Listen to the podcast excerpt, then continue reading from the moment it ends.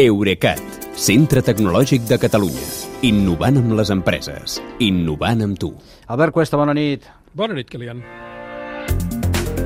Dèiem a la portada de l'informatiu allò del cercador de notícies de Google tornant a ser consultable des d'aquí, amb alguns peròs també, eh? Explica, sí, explica. aviam, primer expliquem què passa. Després sí. de gairebé 8 anys d'absència, Google News ha reobert avui l'accés des d'Espanya, coincidint amb el redisseny del servei a escala mundial amb ocasió del 20 aniversari de la seva creació.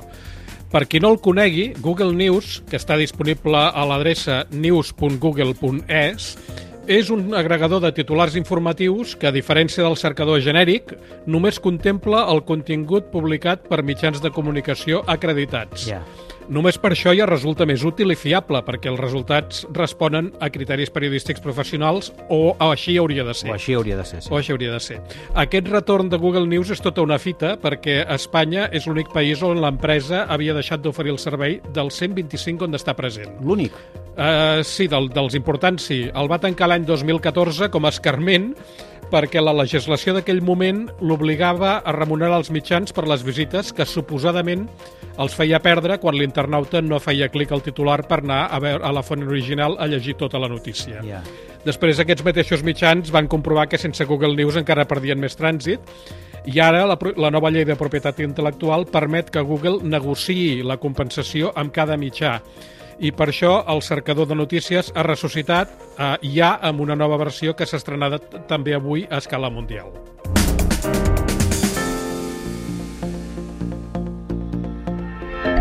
Molt bé, doncs una nova versió que tenim aquí davant de, davant de nosaltres. Tu l'has provada i no t'acaba de fer el pes.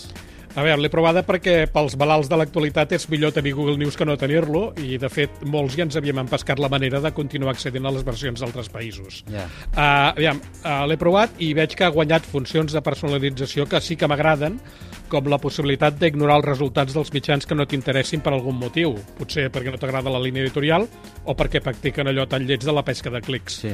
Uh, N'hi ha d'altres que prometen però que necessiten millorar, com per exemple la restricció dels resultats a la informació local on només pots triar entre tot l'estat o bé un municipi.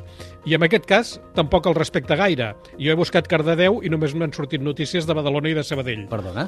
Eh, Eh, Cardedeu doncs- i Badalona no és que sigui exactament el mateix. No, eh, jo és que el que trobo que hauríem pogut fer és traslladar l'arquitectura territorial actual i afegir un nivell intermig de comunitat autònoma, diguéssim. Com a mínim, com a mínim. Com a per mínim, cert, el sí. que t'ha agradat menys va indirectament eh, en aquesta línia. Sí, perquè tot i que presumeixen de Google News Espanya, n'haurien de dir Google News Espanya en espanyol, Ja. Perquè no recull els mitjans que publiquen en català, aranès, basc i gallec. Els únics mitjans d'aquí que hi surten són els que, a més d'edició en català, també en tenen un en espanyol, com el cas de l'Ara, La Vanguardia, el Periódico o el Nacional. A Google els hi he preguntat què, què pensen fer i diu que com ara, ara com ara no contemplen afegir els idiomes cooficials als 40 que inclouen. I no és, de fet, que no puguin fer-ho, perquè a Bèlgica tu pots triar entre notícies en francès o en neerlandès, a Suïssa entre alemany i francès, i al Canadà entre francès i anglès. Per tant, no hi ha excusa amb això. Eh? Uh, jo crec que no, i a més és que trobo que aquesta absència del català a Google News no encaixa gens amb el gran interès per Catalunya que la directora de Google Espanya va manifestar fa molt, molt pocs dies davant el president de la Generalitat quan va inaugurar la que molts mitjans han, han anomenat seu de Google a Barcelona, però que en realitat no és altra cosa que una oficina, una oficina comercial per vendre anuncis a les empreses catalanes. Ja. Uh, jo crec que potser haurem d'incloure Google News, els que siguin molt activistes, amb aquesta llarga llista de plataformes a què reclamem més respecte per la nostra identitat lingüística. La llista es fa llarga, però la reclamació també. Moltes gràcies i fins demà. Bona nit, Kilian. Fins demà.